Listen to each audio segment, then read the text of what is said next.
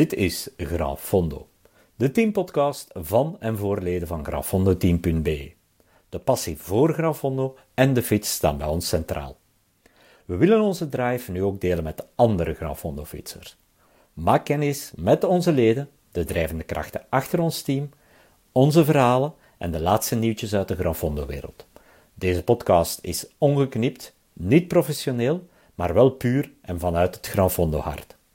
Oh ja, moest je zin hebben om deel uit te maken van ons team? Vergeet dan zeker niet een kijkje te nemen op www.grafondoteam.be en vul daar het formulier lidmaatschappen in. Aansluitend ontvang je de instapmogelijkheden via het Grafondo Basic lidmaatschap. En abonneer je zeker op ons podcastkanaal, zo mis je geen enkele update. Veel luisterplezier gewenst.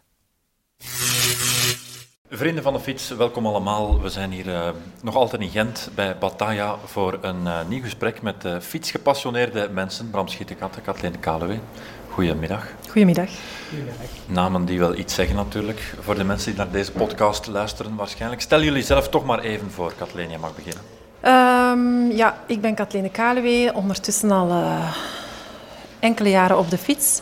Ik ben gepensioneerde atlete. Hè. Maar wel een hele goeie, hè, Kathleen? Op de fiets? Of, uh, als, ja, de fiets kan ik jou hè? niet zo goed inschatten, maar met de spikes een hele goeie. Hè? Met de spikes uh, was ik een hele goede atlete, dat klopt inderdaad. Um, het hoogtepunt uit mijn carrière was de 4x100 meter estafette in Athene. 2004. Waar, 2004 ondertussen, ja, waar dat wij toen een historische prestatie hadden geleverd met een uh, zesde plaats. Um, dat was voor mij het hoogtepunt uit mijn uh, atletiekcarrière. Ik vind ja. het een hele eer om in het gezelschap van een Olympisch atlete te mogen zitten. Kunnen wij niet zeggen, hè Bram? Helaas. Zelfs jij niet met al je prachtprestaties die je al op de fiets geleverd hebt. Uh, maar er is toch een heel groot niveau tussen uh, een paar kleine koerswinnen op amateurniveau en tussen... Olympisch. Ja, niveau. Maar je zegt dus ondertussen helemaal de passie voor de fiets ontdekt. Vertel ja. daar eens wat meer over. Wanneer is dat gekomen? Hoe lang is dat ondertussen al? Um, ik ben gestopt met atletiek in 2007 en dan um, mijn man Bart uh, was al aangesloten. Nee, hij was nog niet aangesloten bij Ranfondo, maar die fietste al, die deed triathlon destijds. En ik dacht ook van oké, okay, ik moet mij andere doelen stellen. Dus ik ga start to run beginnen doen, want ik kon eigenlijk niet lopen. Ik kon, kon sprinten, snel maar niet lopen. lopen. Ja, ik kon geen uh, half uur aan een stuk lopen, dus ik ben echt gestart met start to run. En mijn eerste doelstelling was dan de stadsloop hier in Gent, uh, de 10 kilometer. Ja. ja. En dan um, heb ik een fiets gekocht ook en heb ik eerst weliswaar wat triathlons gedaan. Ja.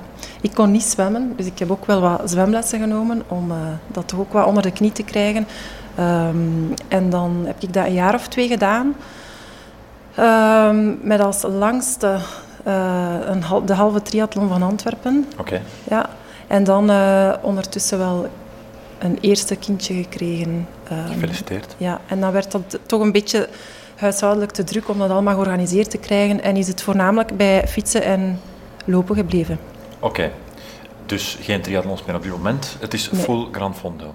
Ondertussen is het eigenlijk zo goed als full Grand Fondo. Dat klopt. Ja, het lopen staat op een zeer laag pitje.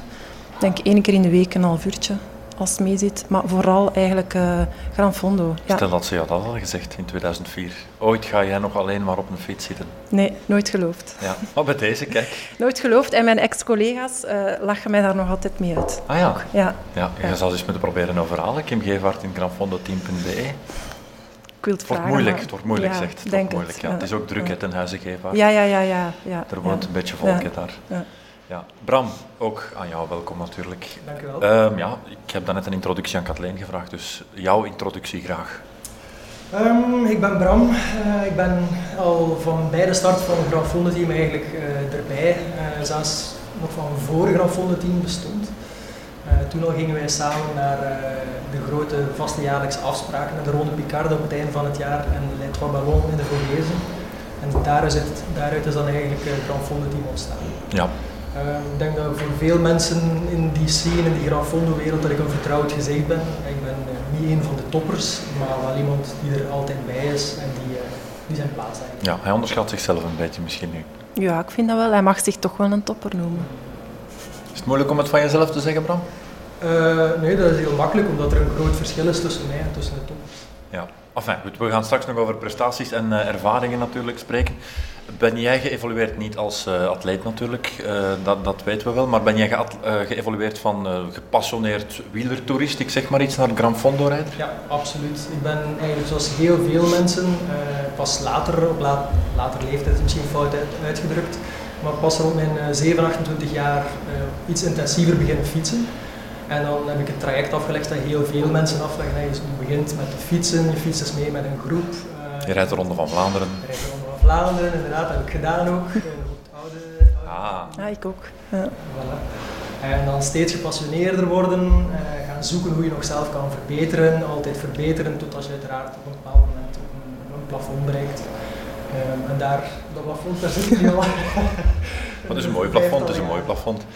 Um, zou je kunnen zeggen dat het Grand Fondo rijden dan iets geschikter is voor, ik ga me zo eerbied mogelijk uitdrukken, voor wat mensen op leeftijd, ja niet meer voor de jonge gasten die in competitie willen, maar wel mensen die toch het competitieve element nog willen? Absoluut, ik denk dat dat helemaal waar is. Het is veel laagdrempeliger.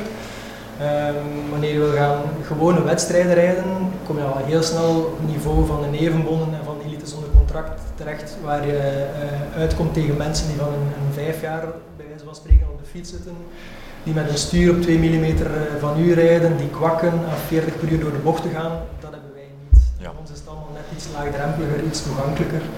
En dan maakt de sport uh, veel, veel makkelijker om op latere leeftijd in te stappen.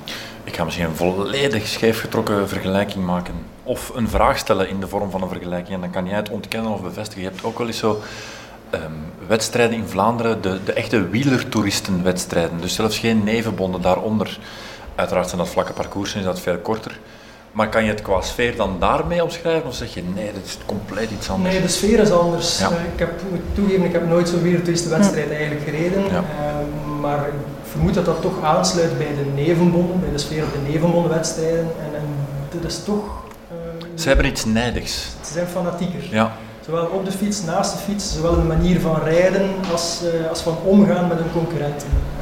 Denk dat het typisch is aan de Grand Fondo zien dat iedereen heel sociaal, heel vriendelijk en heel correct met elkaar omgaat. Ervaar je dat ook zo, Kathleen? Ja, eigenlijk wel. Um, als ik me herinner, mijn eerste Grand Fondo was Trois Ballons. Um, dat is ehm, meteen een mooie. Ja, maar ik wist eigenlijk niet dat dat een wedstrijd was. Bergop wel, dat wist ik. In de zin van het straalde de sfeer uit van, van, een tocht? Ja, ik dacht dat dat een beetje à la de Ronde van Vlaanderen was. We gaan daar een leuke dagtocht van maken. Totdat mijn man zei van, ja, maar dat is wel een wedstrijd. Ik dacht, ah, oké. Ja, dus dat is een hele dag op mijn fiets zitten. En dan nog zorgen dat je hard kunt rijden ook. Ja. Um, maar eigenlijk ervaarde dat... Allee, toen ervaarde ik dat zo niet. Nu ben ik ook nog iets competitiever daarin geworden ondertussen. En ervaar ik iets meer stress ook wel, omdat ik dat goed wil doen. Um, maar dan, je staat aan die start als gemoedelijk. Uh, je volgt gewoon de hoop eigenlijk. Ja. ja. Ik concludeer uit wat je zegt, dat, dat competitieve element, hoewel het je gezonde stress bezorgt, maar je vindt het wel een fijn element, dat dat aanwezig is op een of andere manier. Ja, omdat je jezelf ergens toch kunt uitdagen en kunt pushen. Um, ja, om te kijken van waar sta ik, hoe kan ik mij meten met de anderen. En dat vind ik daar wel een fijn gegeven aan. Ja. ja. Herinner jij jouw eerste Grand Fondo nog, Bram? Helaas. Ja, dat, dat, dat, daar zit een verhaal aan, ik voel het. Vertel. Dat was, um, ik denk 2010, La Magnifique des Ardennes, een wedstrijd die vertrok in, uh, ergens in de buitenwijken van Bouillon. Mijn allereerste wedstrijd. Uh, ik had nog nooit een andere soort wedstrijd ook gereden. Uh, dus alles was nieuw voor mij. We stonden daar met een, een redelijk klein peloton aan de start. Een, een kleine 100 man geweest. Ja. Ik was natuurlijk nerveus, ik wilde het ook goed doen, dus ik drumde mij naar voren bij de start. we vertrokken, de vlag ging naar beneden, we vertrokken het was met een, de eerste 2-3 kilometer waren geneutraliseerd achter de wagen. Uh, dus ik zat helemaal vooraan op de tweede of de derde rij van het peloton in die neutralisatie. En aan het einde van de neutralisatie draaien we een smal brugje over om dan op de hoofdweg uit te komen, waar mhm. dan effectief de départ réel zou gegeven worden. Het brugje en, over de Semois. Uh, vermoedelijk. Vermoedelijk, ga je geloven. Bij het opdraaien van dat brugje hoor ik een enorme knal. Een klapband van ja, heel het peloton heeft dat toen gehoord. En ik weet nog dat ik bij mezelf dacht van, oeh, diegene die dat voor heeft, die heeft pech. Een klaband in de neutralisatie. En dan duurt het nog, misschien duurde dat maar een seconde, maar in mijn herinnering duurt dat een eeuwigheid eer ik voel. Ik ben het. Dat mijn voorwiel is. En dus ja, ik stond lek vooraan. Eh, En ze dan? hebben- Ze hebben niet op mij gewacht. Dus dat peloton kwam op die hoofdweg opgedraaid, stoof er vandoor aan 45, 50 per uur. En ik stond daar en moest in mijn eentje mijn band vervangen. Dus je hebt jezelf nog kunnen depaneren, maar je bent dan daarna gewoon compleet alleen vertrokken en je weg verder gezet. En ik heb ongeveer anderhalf uur eh, in mijn eentje gereden eer dat ik de eerste deelnemer ingehaald heb. En dat was, eh, ik zal mijn leef uitdrukken, een nogal Gezette man, ja, persoon ja, op een mountainbike. Maar kijk, het zijn wel mooie herinneringen. Eh, absoluut, dat is iets wat mij altijd gaat bijblijven. Ja, en ondertussen zijn we vele jaren verder. Ehm, ik heb eh, eerder ook al eens een gesprek gehad met eh, Arne, met de, bezieler van eh Gran Fondo. Eh, ik denk niet dat hij de tel nog kan bijhouden hoeveel Gran Fondo's die ondertussen gereden heeft. Hoe zit dat bij jou? Hoeveel gemiddeld rij je er per jaar? Probeer jij er te rijden? In een normaal jaar doe ik er een, ik zou zeggen een 7 à 8. Eh, ik probeer altijd één grotere te doen. In, in het voorjaar doe ik meestal een van de Gran Fondo's in het gebergte. Dat is nogal vaak uit wat ballon geweest. En dan eh, probeer ik doorheen het jaar, zeker in de tweede helft van het jaar, een paar kleinere wedstrijden te rijden nog. Omdat die eh, qua sfeer heel leuk zijn om te doen. Zo zijn er ook heel veel verspreid over Frankrijk. Waar dan ook altijd met een peloton van 100, 150 mensen aan de start staat. Maar die gaan er heel gemoedelijk aan toe. Ehm, En daar hou je wel van. daar hou ik van. Een bijkomend voordeel, ik moet er ook niet, niet belachelijk over doen, bijkomend voordeel is ook dat het niveau daar lager ligt en dat je makkelijker mee kan doen om een ereplaats. Ja. ja, dat is altijd leuk, hè? dat Absoluut. motiveert. Maar ehm, ik hoor jou zeggen, verschillende uithoeken van Frankrijk, je kan er kleine dingen gaan doen. Dus het, het, het toeristische aspect, als ik het zo mag zeggen, of het escapisme, eh, als je het zelfs een beetje ja, met een geleerd woord wil gaan uitdrukken, dat spreekt jou ook wel aan dan, bij het kiezen van jouw tochten. Ehm, wel, het is niet dat ik per se alle regio's van Frankrijk wil afvinken of zo. Hè. Ehm, maar eh, ja, Gran Fondos worden georganiseerd in streken waar weinig bebouwing is, waar weinig stadskernen zijn. Dus je komt automatisch door Gran Fondos te rijden in mooie, rustige streken van Frankrijk. is toch fijn? Absoluut, absoluut. Dus Frankrijk ken jij bijna op je duimpje dankzij de Grand Fondo's Eh, dat ondertussen. zou ik niet durven zeggen, maar er zijn een paar streken waar ik ondertussen wel moeten weg. Ja, Ka- Kathleen is dat aspect, we hebben het al over het competitieve gehad natuurlijk. Ehm, ja, fit blijven zal ook wel een aspect zijn dat van belang is. Maar je zou dus ook perfect toeristentochten kunnen rijden in Vlaanderen. Misschien doe je er ook wel, maar wat spreekt jou dan specifiek ook nog aan in die Gran Fondo's? Ja, het competitieve element toch wel. Ehm, ik hou ervan om, om toch mijn limieten nog op te zoeken en te zien hoe ver dat ik kan gaan. En ik denk dat ik nog net niet aan mijn top zit, denk ik. Hè. Ehm, maar als je ziet dat je op die Gran Fondo-wedstrijden, in leeftijdscategorie weliswaar, eh, top 3 kunt rijden. Dat is Ja, leuk meegenomen. ja, zo toch even die aandacht en die... Het Eh. toeristische aspect, hoe belangrijk is dat voor jou? Ehm, enerzijds ja, dat is leuk. Anderzijds, ehm, ja, je hebt daar ook niet altijd veel tijd voor, vind ik, om onderweg dan rond te kijken. Of te stoppen zou voor fotootjes te trekken. Nee, dat eh, is niet de Dat bedoeling, denk ik. ja. Maar je zou wel kunnen zeggen, we, breien er, we maken er vier dagen van. Of dat dan weer niet? Ja, ehm, voor mij persoonlijk is dat wat moeilijker, gezien mijn privé eigenlijk. Hè. Mijn man fietst ook graag, wil ook graag Gran Fondo's fietsen. Twee kinderen, dus allee, organisatorisch moeten we dat allemaal nog gepland krijgen. Dus dan is dat moeilijker ehm, om met twee ook zoveel dagen weg te zijn. Ja. Dus dan moeten we wel een beetje onze planning gaan En, bekijken. en Bram die heeft een Ja. drukke kalender van 7 à 8 wedstrijden per jaar Ja. in het buitenland. Wat, wat doe jij? Wat, op wat mik jij? Eh, meestal doe ik er twee à drie per jaar. Eh, ik, ik kies ook voor mezelf een grote uit, alleen een bekende, ehm, die ook echt wel interessant is. En dan Is dat ook elk naar... jaar hetzelfde? Of ehm, Nee, varieer jij? Ik zou liefst elk jaar doe ik een andere. Ja. Omdat ik dan ook de afwisseling heb, eh, iets anders gezien te hebben effectief, dat klopt. En dan naar aanleiding daarvan, in de planning, bekijk ik wel wat dat er lukt. Eh, gelijk Schlek heb ik twee keer gedaan, omdat dat wel een toffe is, dat is niet zo ver, je bent maar twee dagen kwijt. Ehm, en dat is zo echt een goede, vind ik, om je snelheid een keer te testen. Oké. Heb jij die ook al gereden, de Schlek? Eh, de eerste editie heb ik gereden. Ja, Hm. oké. Niet meer Een teruggekeerd nadien. snelle wedstrijd was dat toen. Ja, voor dat pluimgewicht dat jij bent, is dat minder interessant. Oh, nee, nee, ik ben absoluut geen pluimgewicht hoor. Eh, nee, de reden waarom ik die maar één keer gereden heb, was omdat we in die eerste editie eh, zijn alle deelnemers, 3000 denk ik, eh, het blote hoofd, Hm. samengestart. wat vooral in de start heel gevaarlijke toestanden Oké. Maar ik heb begrepen dat ze vanaf de tweede editie eh, in groepen, in leeftijdsgroepen eh, starten. Dus telkens met ja, 200, 300 wordt het een stuk eh, veiliger gemaakt. Ja. Dus een wedstrijd die ik zeker nog een keer zou willen rijden als Hm. het is past in mijn kalender. Ik zou graag met jullie even grasduinen in jullie eh, ervaringen, in jullie eh, ja, impressies die jullie hebben meegemaakt de voorbije jaren. En misschien kunnen we de mensen dan op die manier ook wel wat extra warm maken om Gran Fondo rijder te worden. Ehm, laten we beginnen met het mooiste parcours. Kathleen. Het mooiste parcours ehm, voor mij was Maratona.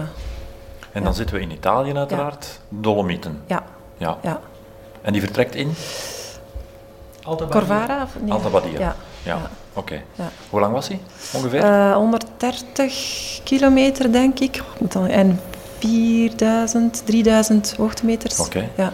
Ehm, waarom is dat de mooiste? Eh, de mooiste, dat parcours is volledig eh, verkeersvrij. Ehm, ja, de bergen, dat spreekt mij gewoon enorm aan. Dat is prachtig. En ik Ja. ga aansluiten op Kathleen, want ik ging hetzelfde antwoord Oh. geven. Oké. Dus die moet iedereen gedaan hebben, bij wijze van spreken. ja. Ja. Dat is echt, ja, het is een enorm mooie setting daar. Eh, Je hebt daar die Dolomieten. Het zijn heel, heel mooie bergen, maar het zijn ook heel mooie wegen. Die, eh, die hele wedstrijd slingert zich eigenlijk rondom een bergmassief dat je altijd ziet liggen. Ehm, en het zijn prachtige wegen Ja. om te rijden. Die afdalingen zijn schitterend om te doen. De beklimmingen zijn zwaar, maar zijn niet onmenselijk. hè. Het zijn, het zijn geen mortirolo's of iets. Oké, wat wil ik net zeggen? eh, Trek je over bekende hellingen, Trecime di Lavaredo? Ciao. Of, eh, ah, de Passo Giao? Ja. Oké, dat is wel eh, Dat is een stijl. dat is een Ja. stevige beer. hè. Dat is Ja. 10 kilometer 10 procent, Ja. geloof ik. Ja, Eh, maar dat is, dat is heel zwaar, maar dat is denk ik wel nog haalbaar voor de meeste mensen. En je, hebt- ja, vooral dat verkeersvrije aspect, denk Ja. ik wel dat een super geruststellend gevoel Ja, geeft. Of zo ook in de afdaling, ja, denk is ik. goed georganiseerd. Eh, de eerste ja. 60 kilometer is een, een, los rondom dat bergmassief die men de Sella Ronda noemt. Dat zijn ja, volgens mij zijn misschien de, de 60 mooiste kilometer die je ter wereld kan doen als fietser. Ja. En Italië, draai of keer, dat is hoe je het wil, maar Fietsland, hè. fietsland. Ja. Maar ook, ik zit, misschien ben ik de enige van de drie die er al aan denkt, maar ik zit ook aan de gelato te denken en aan de pasta achteraf. Ja, oh, kijk, ik weet het, maar er mag, er mag toch plezier hè, bij zijn ook, Bram? Ja. Of ontzeg, ontzeg jij je dat, Nee, nee, nee. dat plezier? Ik heb eh, herinnering, de laatste keer dat ik daar meegereden heb, zijn we ook net iets te veel in de bar blijven plakken de week voor de wedstrijd. Ja. Wat er eh, toe geleid heeft dat de prestaties niet altijd even goed waren. Nee, maar moet dat ook niet net een van de aspecten nog wel blijven van, ja, eh, ja niemand die meedoet. Ik kan me voorstellen dat er wel mensen vooraan zijn die er anders over denken, maar het, het is ook geen profgebeuren. Hè. Nee, nee. En dat hoort er een stuk bij. Ja. Hè. Allee, Het mag ook nog wel genieten zijn, denk ik. Absoluut. Inspannend genieten. Absoluut. En Ik denk dat dat voor veel mensen een van de redenen is om mee te doen aan die eh, reizen met Grafonden. Die met het feit dat je, oké, iedereen wil, wil fietsen en wil Hm. deftig fietsen, maar s'avonds wordt er ook gewoon lekker gegeten. Soms iets te veel gedronken en sfeer gemaakt. En eh, het, is, het is echt een vakantie ook. Ja. Ja, het leuke vind ik aan bijvoorbeeld Maratona is dat je daar wel een aantal dagen aanwezig bent. Dat is niet de dag voor je wedstrijd en de dag zelf of de dag nadien naar huis.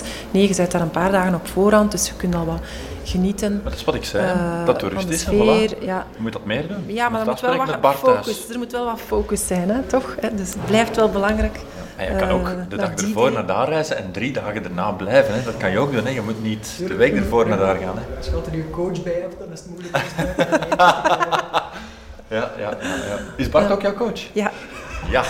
Nu heb je wel jezelf in een heel moeilijk eh, parket gebracht, eh, Kathleen. ja, ja, ja. Dus eh, je, je doet het ook met schema's als je je voorbereidt op een eh, wedstrijd? Ik doe het ook met schema's. Ja, ja, ja. Ik doe het met de coach en met schema's. ja. En eh, jouw trainingsparcours ligt in de Vlaamse Ardennen dan? Ehm, Vlaamse Ardennen, Henegouwen, Schelde. Ja. Ja. Een beetje vlak voor de snelheid en hier en daar wat hoogtemeters. ja, en dan af en toe Ardennen. Ja. Bram, wat is jouw uitvalsterrein? Hetzelfde. Hetzelfde. We wonen in dezelfde regio. ehm, dus ja, heel veel treinen. Ik woon in Gent. eh, heel veel treinen rondom Gent tijdens de week. Maar in het weekend, als de mogelijkheid er is, eh, ga ik ook heel graag in de Pays des Collines. Dus, eh, Prachtige regio. Ja. En rustig. absoluut. Over dat verkeersvrij gesproken. Dus eh, voor veel mensen die die regio niet zouden kennen, is dat absoluut aanraden. Ja, alles wat onder Ronse zich bevindt, hè, in de buurt van Edingen en eh, heel die band daar, zeg De Waalse kant van de Vlaamse Zo is het. Ja. Mag ik vragen, ik weet niet of dat interessant is voor de luisteraars, maar wat probeer jij wekelijks te trainen van kilometers? Van kilometers... eh, Geen doel. Nee, dus ik heb geen doelen op zich. Ik, ik heb meestal eh, tijdens het jaar kom ik aan 12, 14 uur per week ongeveer. Hoeveel kilometers ik dan doe, dat hangt er een beetje van af van welke trainingen ik doe. Eh, als je langs het kanaal blokken doet, dan ligt de snelheid makkelijk 5 km per uur hoger dan wanneer je in Vlaamse Ardennen of in de Pénicoline gaat rijden. Dus het aantal kilometers Ja. staat rechtstreeks in verband met, eh, in verhouding tot... Met het parcours en de omstandigheden. Voilà. Ja. Ben jij ook zo fanatiek? Je hebt natuurlijk twee kindjes, hè? dat is een andere situatie misschien. Ja. fanatieker. Ja, het is fanatieker. Ja, ik hou wel van cijfertjes. Ehm, en ik heb dat ook wel nodig, Ja, ik had één. een schema, ja. Ik zet het wel een beetje naar mijn hand. Ehm, en soms moet ik wel een keer aan Bart zeggen van... Allee, waar blijft mijn schema? Ja, Oh, ja, ja, Je zit achter de veren op zondagavond eh, bij het avondeten. ja. Bart, hoe zit het hier?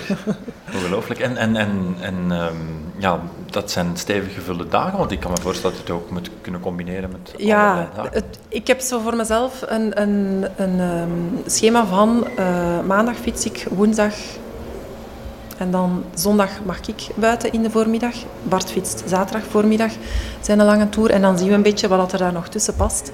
En daar moet ik het mee doen. Allee, ik ga niet alles ten koste van de privé eh, doen. Eh, dat ga ik niet doen. Ja, ja, Het kan ook ja. niet het idee zijn achter Gran Fondo. Ik ken verschillende koppels die fietsen, maar ik moet zeggen, van, van alle fietsende koppels vind ik eigenlijk dat jullie dat op een schitterende manier aanpakken. Jullie die agenda's combineren, eventueel af en toe zelfs babysits nemen om, om samen te kunnen gaan fietsen. Dat is echt eh, een voorbeeld voor velen. ik. Ik Ja. kan nog een kleine tip geven. Mijn vrouw en ik, wij tandemen. Ah ja.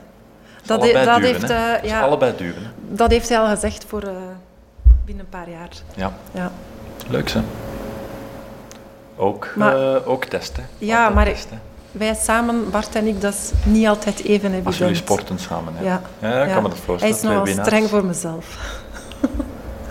Ja, Maar jij bent ook streng voor jezelf. Als ik Ik ben ook streng voor mezelf, hoor. maar ja, hij Maar je pusht hebt niet mij graag ook dat wel. anderen te streng zijn voor je. Ja, eh, achteraf gezien wel. Ja. Maar in het moment maar het kan moment het wel eens zelf, even... ja.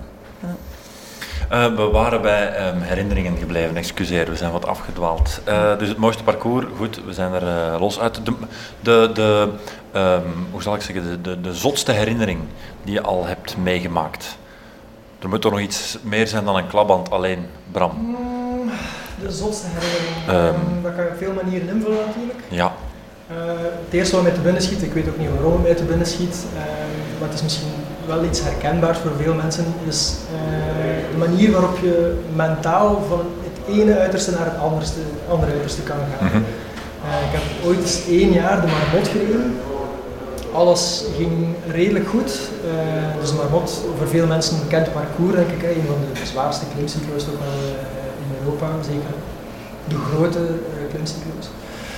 En ehm, ik herinner mij nog dat ik op de Galibier kwam en tot de Galibier ging alles goed en plotseling begon het in mijn hoofd om te slaan. Mij qua gevoel, moeten slecht te voelen, ja, ja, ja. Moeten voelen. Eh, de goesting was er niet meer. Het werd ook, we kwamen boven 2000 meter, het werd koud, het werd mistig. En boven ging er bevoorrading staan. Eh, en ik kom daar boven, ik voel mij moe, eh futloos en die bevoorrading staat er. En dat was op die moment echt Een dreun. Een mokerslag. Dus ik ga die afdaling in. Ik weet dat ik nog eerst 40 kilometer moet afdalen en dan nog Alpe d'Huez op moet, zonder bevoorrading. En ik heb echt, op die moment brak het. Ik heb zitten janken als een kind op mijn fiets. Echt blijde, complete miserie. Eh, en dan 4, 5 kilometer in die afdaling, ik zit te janken en plotseling staat daar langs de kant van de weg staat onze bevoorrading. Ik moest natuurlijk doen, met grootvader, doen alsof er niets aan de hand was. En dan gelukkig twee bidons gekregen, een beetje eten gekregen. En, en, ja, En je was er weer door. en toen kantelde het weer en, en plotseling had ik weer zin in. Die motivatie was er terug en dan heb ik nog echt volledig kunnen leegrijden op Alpe d'Huez. Maar zo dat heen en weer geslingerd worden, eh, ja, hoe het zo snel kan omslaan, dat is iets wat mij altijd. Ja, maar ik snap het ook wel ergens. En het is ook wel het mooie van sport. Ik denk dat trouwens heel veel duursporters dat kennen. Ja. Je ziet dat vaak mensen die breken of, of aan het einde van de wedstrijd een tranen uitbarsten, eh, op alle niveaus. Mhm. Ik denk dat dat heel herkenbaar is. Het zegt ook wel iets over hoe je met sport je veerkracht kan trainen. Waarschijnlijk. Ja. Heb jij al wat meegemaakt? Eh, niet zo extreem, denk ik, als eh, Bram. Eh, op dat vlak denk ik, hè, vasthouden. Gekke dingen gezien, dat kan ook. Hè? Ehm, nee, ik herinner mij wel, meestal als ik één doel stel, uh, voor mezelf dan als Gran Fondo, krijg ik ook een wildcard van Bart en rijdt hij ene Gran Fondo ten dienste van mij. Ja, dat is ook een afspraak bij ons. Hè. Ik krijg één wedstrijd uh, hem volledig... Ter beschikking, als ter knecht, beschikking, Gregario. Als knecht, ja. Uh, maar dat heeft voordelen en nadelen. Want ik heb, de laatste dat ik met hem gedaan heb, was Bourgogne. Ik denk twee jaar geleden was dat. In aanloop van Marathone. Um, het was toen eigenlijk slecht weer die dag. je moest dan al je regenvestje aandoen. We waren dan denk ik een paar kilometer ver. Ja, mijn vestje dat flapperde zo. En Bart, doet dat uit, doet dat uit. Dat pakt veel te veel wind. Wat voor kleren heb je nu aan? Ik kreeg daar dan al hè, de volle laag. Ik kan dan ook niet zonder handen rijden. Dus ik moet dat dan open doen. Hij trok dan aan die mouw, dan aan die andere mouw. Allee, dus het was echt uh, amateurisme ten top. Um, en dan, um, ja, de hele weg regen ook wel. En dan naar het einde toe echt gietende regen. En ik had zoiets van, ah, nu heb ik het echt zo gehad. Hè. Ik had dan geen regenvestje niet meer aan. Dan zei hij van, ja, wat is het? Ga je stoppen? Ga je regenvestje aan Of wat ga je doen als je nu stopt? Ik dacht, als ik nu stop, dan, dan, is het, gedaan gewoon. Ik zeg, kom, doorrijden. Maar uiteindelijk had ik in mijn leeftijdsgroep dan gewonnen. Dus ik was ook ergens wel blij dat hij mij dan zo wel wat pusht. Hij kan dan ook wel hard zijn en zeggen van nee, hier moet rijden. Ik krijg dan onder mijn voeten. Je rijdt, je rijdt uh, in de wind, je moet je uit de wind zetten. Ja, je begint te eten juist als we een beklimming oprijden. Je moet dan eten. Allee, allemaal tijdens de rit. Ja, maar, het, het, maar goed, het, het, het klopt wel. Het klopt wel, ja. Ik weet het. Ja, het is wel de harde leerschool. Maar tijdens de rit is dat wel... Uh, en dan denk ik van... Oh, we moeten mij hier bezig zien. Waar, waar ben ik eigenlijk mee bezig? denk ik dan. Maar achteraf denk ik wel van... toch ga je het weer opnieuw doen. En toch ga je het weer opnieuw doen. Ja. En het feit dat ze dat al jarenlang op die manier kunnen als koppel... Uh, Beestje Ja, zelfs nu nog. Hè, als wij met twee gaan rijden, kan hij zo, als hij aan het rijden is, zo teken doen van... Hier moet zitten. dan denk ik van ja, ik probeer dat, maar als je dan dichter komt, begint hij ook te versnellen. Dus dat is altijd zo wel wat een woordenwisseling. Ik denk dat we een reportage moeten uh, draaien met wat GoPro-camera's. Niet te veel cameramensen in de buurt zetten, gewoon, ja, gewoon het laten leven. Reality, de reality willen wij hebben. Heb jij ook Gregarios? Uh, nee, helaas niet. Ik, uh, ik zou het wel, moest Bart voor mij eens knechten in een grafoon, ik zou wel zien zitten eerlijk gezegd. Ja. Gebeurt dat zo afspraken maken met collega's of van ja, vandaag rij ik mijn kas is leeg voor jou of um, dat niet echt? Als we met Grafondo team ergens naartoe gaan, dan is de bedoeling dat ieder voor, voor zich rijdt. En wordt er niet als ploeg als team echt gereden. We werken niet met kopmannen en met knechten, zo zitten we niet in elkaar. Maar wanneer je met een paar vrienden een uh, wedstrijd gaat uh, rijden, onderling, dan doe je dat wel. Ja. Ik herinner mij ook het jaar uh, dat ik Le Trois Ballons gereden heb en dat er spijkers op het parcours gestrooid waren. ik had daar toen helemaal aan het begin van de wedstrijd, stond ik lek. Ehm, en, en, voor mij was de wedstrijd eigenlijk voorbij voor hij echt goed en wel begonnen was. Ik weet toen eh, Arne mij daar toen nog uit de nood geholpen heeft om mijn reserveband toe te stoppen. Um, en toen heb ik ook, voor mij, ik wist dat een goed resultaat voor mezelf, dat zat er niet meer in. Maar dus toen ben ik uh, Veronique Florizone na een paar kilometer tegengekomen. En dan heb ik de rest van de weg geknecht voor haar. Ah ja, dat is wel leuk. Zij ja. het jaar voordien daar podium gereden had. En uiteindelijk is het jaar dat ik voor haar knecht is dat toen net niet gelukt. Ik geloof dat ze vierde was in haar categorie. Ja, als de knecht niet goed genoeg is. Nee, nee, de knecht, uh... Maar ja, ik herinner mij ook nog uh, het jaar dat ik Charlie Gaulle gereden heb in Italië. Je moest allemaal starten in uh, leeft... Allee, ik denk de vrouwen mochten in het eerste vak starten en dan de mannen per leeftijd. En dan uh, was Bart eerst tot bij mij komen rijden. Dat hij zei, want die ging hij ook samen met mij rijden.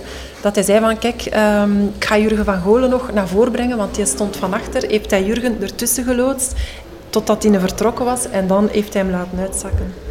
Bart, dat is de, de, de, luitenant der luitenanten eigenlijk. Dat is een beetje de George Hincapie van, uh, van het Grand Fondo peloton. Ja, alles zweetruppel, we weten ja. ja. Ook een brede rug om achter te ja, zitten. Dus belangrijk, dus belangrijk. Ja. absoluut. Maar uh, dat knechten is zeker bij de vrouwen in Grand Fondo een heel belangrijk iets. Bij de mannen uh, is het eigenlijk ieder voor zich en vormt zich op natuurlijke wijze vormt zich kopgroepen en pelotons.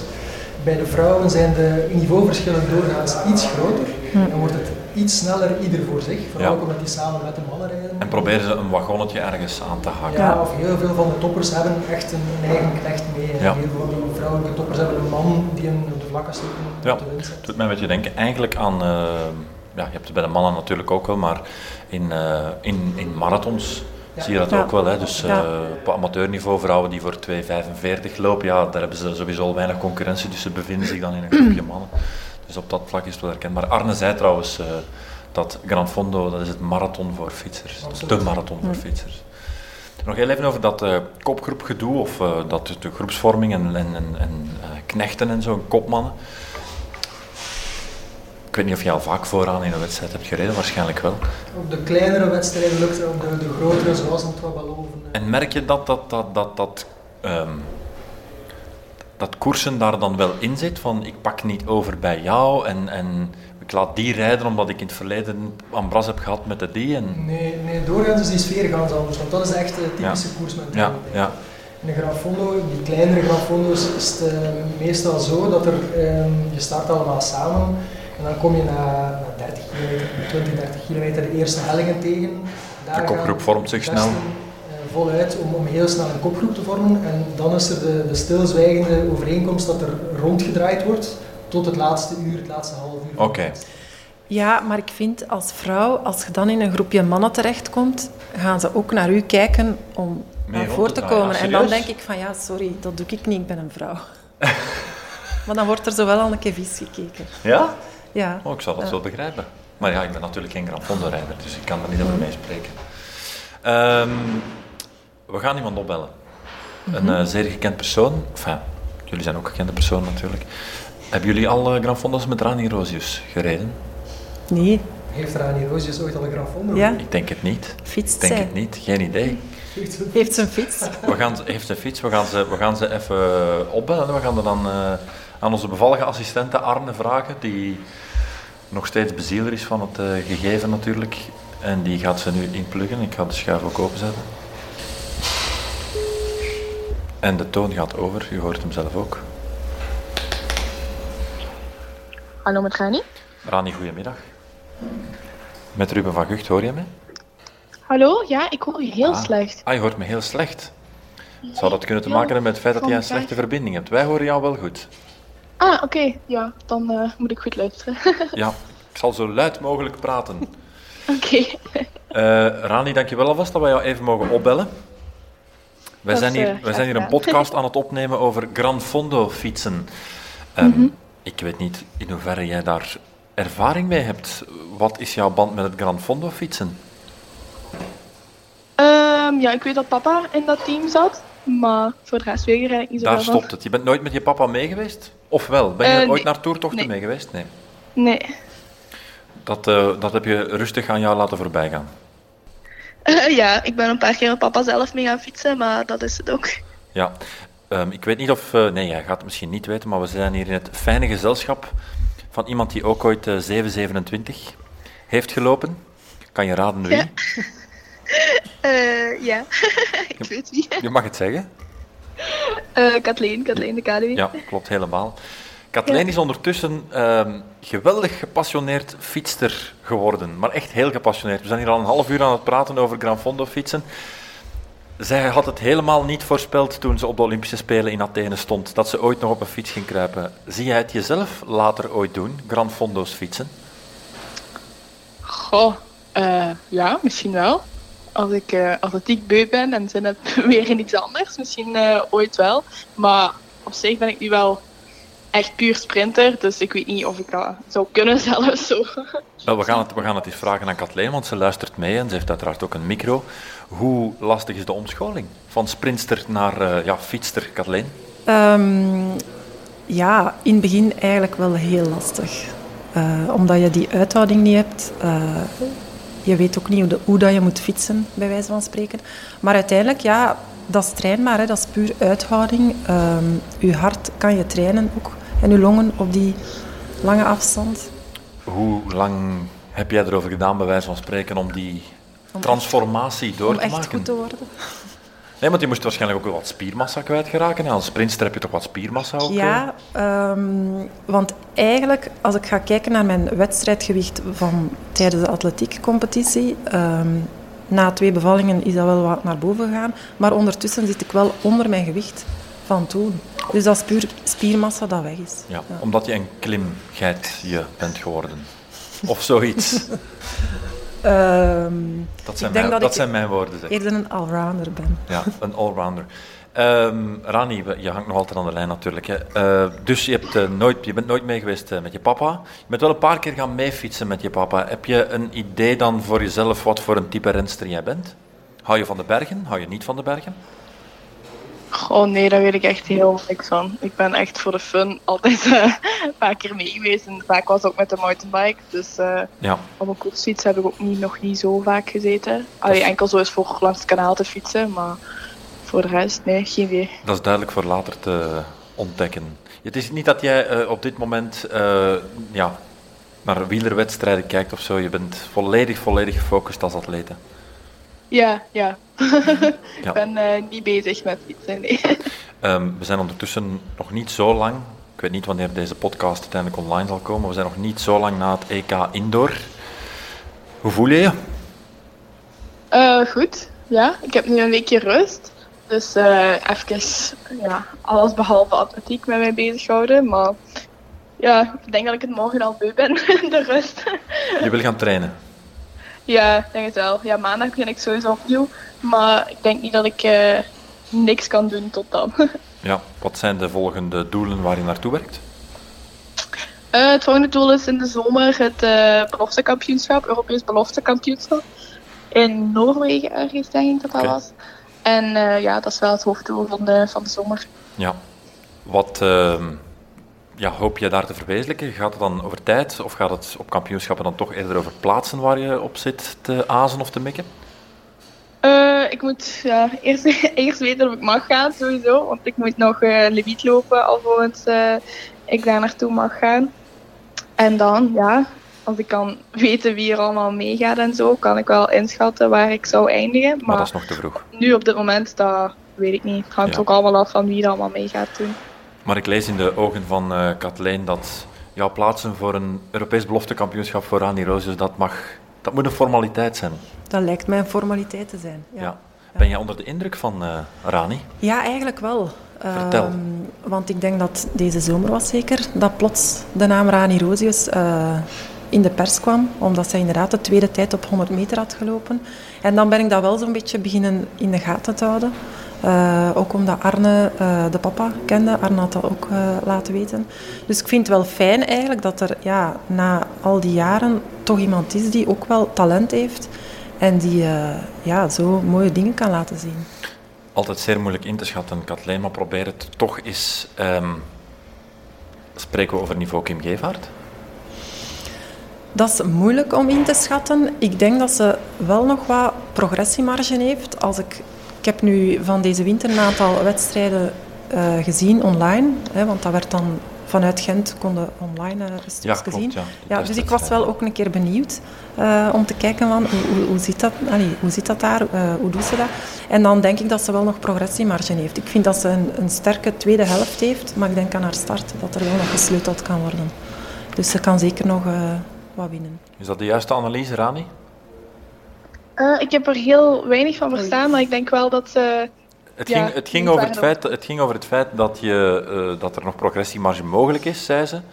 En Ja. dat het vooral in de start zit. Tweede 50 meter, die zien er prima uit. Start en de eerste 50, daar kan nog op gewerkt worden. Ja, dat is eh, helemaal waar. Kort en krachtig. ja, inderdaad. Ja, de grote uitdaging om, ehm, ja, sorry dat we nu de vergelijking maken, maar ja, dat is de tol van iedereen die op een bepaald moment zeer goed aan het worden is. Hè. Je begint dan weer te gaan kijken naar wie heeft het in het verleden al eens eh, op dat vlak zo goed gedaan. Jij in de eerste plaats natuurlijk, maar ook Kim. De grootste uitdaging bestaat denk ik dan gewoon om het in de lengte der jaren vol te houden op dat niveau. Want je kan natuurlijk wel ooit aan het niveau komen, maar het, ja, we spreken over een lange carrière. Hè. Ja, en het leuke daaraan is, als ik terugkijk naar mijn carrière en naar Kim haar carrière, dan denk ik dat het wel fijn is als er dan nog een aantal andere atleten bij komen, dat je elkaar ook wel naar een hoger niveau kan brengen. Ja. Op die manier. Ja. Heb jij ergens een groepje rond jou, eh, Rani, waar ook nog wel wat concurrentie in zit? Of, of is het daar toch moeilijk op dit moment voor jou? Ehm, ja, er zijn nog wel wat sprinters in België waar, eh, ja, maar ja, we zijn anders allemaal vriendinnen geworden, dus ik zie ze niet als concurrentie, sowieso niet. Nee, maar ze kunnen wel naar een hoger niveau sturen. Ja, dat wel zeker. Want vorig jaar denk ik dan aan Elise, Elise Meerhuis en eh Manon de Puit. Zij hadden ook 7.31 en 7.32 gelopen eh, in het indoorseizoen. Maar ja, daarna is corona erbij gekomen. Dus ik had wel verwacht dat ze ook een, eh, ja, in de zomer een sterke 100 gingen lopen. Elise is dan jammer genoeg gekwetst geraakt en heeft het eigenlijk helemaal niet gelopen. En bij Manon was, eh, ja, was de corona eigenlijk niet zo niet zo goed meegevallen en heeft ze daar, ja, is dat wel zwaar geweest voor haar. Dus ik verwacht wel dat zij ook gewoon ja, ook zo hard gaan, eh, gaan beginnen lopen deze zomer Ja. opnieuw. Ik zie in de verte al de vorming van een nieuwe 4x100 meter ploeg. Ja, daar kijk ik naar uit. Dat, ook. dat, dat voelt zo een beetje aan, Kathleen, hè, als je Ja. dat hoort. Het zou mooi zijn dat er daar eh, opnieuw eh, ja, iets uit voortkomt. Ja, maar jullie hebben nog zoveel jaren, nog zoveel tijd, dus we gaan jullie ook alle jaren en tijd gunnen hoor, om rustig te groeien. We gaan er geen druk op leggen. Ehm, met andere woorden, volgende week ga je beginnen, maar je gaat je niet kunnen houden. Dus wat gaat er dan dit weekend gebeuren? Zijn dat dan al sprinttrainingen die je inlast, of is het eerder gewoon eens gaan joggen omdat je graag de loopschoenen aantrekt? Ehm, ik denk dat ik...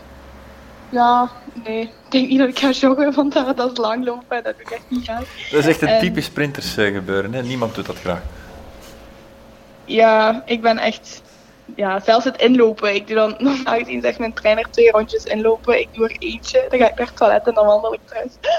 Herkenbaar. ik eh, vermijd het wel echt. Ja, dus als jij gaat trainen, dan is het... Allee, stel dat je dit weekend gaat trainen, dan is dat echt puur meteen al naar een piste en ergens zo wat eh, ja, aan 80, 90 procent eh, sprintjes gaan trekken. Nee, niet per se eigenlijk. Want er zijn ook, eh, er zijn ook echt heel zware trainingen bij. Vooral in de winter zijn het er ook wel 600, 500, eh 300, waar ik echt altijd heel fel tegenop kijk. En wat mijn trainer ook weet. Maar dat heb je ook nodig. Je hebt wel die, die conditie heb je wel nodig. Ja. Want vaak moet je ook niet één keer een 100 meter op een wedstrijd lopen, maar meerdere keren. En ja, die basis heb je wel nodig. Zeker ook als, je, als ik ga naar een 200 meter. Dat moet wel wat afstand in je benen hebben gedaan ook. Absoluut. Rani, heel erg bedankt dat we jou mochten opbellen. Dat is heel graag gedaan. Geniet van de laatste paar dagen rust en veel succes in de opbouw naar het EK voor beloften. Ja, dikke merci. Tot heel gauw en de groeten aan je papa, hè. Ja, zal ik doen. Dag, dag, Dag. Rani. Ja, ze klinkt ook zo vrolijk, hè. Ja, ja. Het is echt een, eh, een eh, ja. Ook als je ze ziet, ik vind eh, het is een, een, een frisse verschijning voor ja, sprintatletiek in, Ja. in België, als ik het zo moet zeggen. ja, en heel ongedwongen ook. Ja, en ik denk dat dat wel goed is ook, mentaal, dat ze daar op die manier nog mee omgaat. ik zou bijna zeggen, er zijn gelijkenissen met Kim Gevaert. Ja, Qua, Kim was ook een vrij ongedwongen Ja. iemand en Ja. voor heel veel vrolijkheid uitstralend. Dus op dat vlak vind ik dat er gelijkenissen zijn. Ehm, ja, we gaan nog even terug naar het fietsen. Bram, wat is het eerstvolgende doel? Het is moeilijk te zeggen in coronatijden, maar allee, wat staat er in de agenda? Ehm, mijn eerste doel van dit jaar was de Grand Fonds de Vouche, die normaal gezien voorzien was voor mei, Ja. dacht ik, midden mei. Maar die is al verschoven naar eh, september. Dat is eh, hetzelfde als hetgeen wat we vorig jaar gezien hebben. En toen was hij ook eh, eerst gepland voor mei en eerst verschoven naar september, alvorens hij volledig afgelast werd. Dus eh, dat zal wel niet mijn eerste wedstrijd worden. Ik heb dan nog de Grand Fondo in Ital, in het uiterste zuiden, het meest zuidelijke puntje van België, in de provincie Luxemburg, in het programma staan. Die door het Gran Fondo team gesteund wordt, Ja, dat is de die, oké. Hele mooie wedstrijd, dus daar kijk ik naar uit. En jij, Kathleen? Voor mij stond, eh allee, staat Tour Transalp op de agenda. Dat is een meerdaagse. Dat is een eh, zevendaagse rittenwedstrijd. En ga je dat helemaal alleen doen? In duo? Ja. Met? Met Veronique Florizone, een andere dame van ons Gran Fondo-team. Eh, stond norma- normaal vorig jaar al op de agenda. Dat is dan gecanceld geweest, dus is nu eigenlijk verschoven naar dit jaar. Dat is eigenlijk de enige grote uitdaging dat ik zou doen. En wanneer zal die doorgaan? Ehm, eind juni. Oké. Ja. Ja. Heb jij al meerdaagse wedstrijden gereden, Bram? Eén, eh, de Tour de l'Ain in Frankrijk. Eigenlijk een heel mooie organisatie, want... eh, Ook in duo of solo? eh, nee, nee,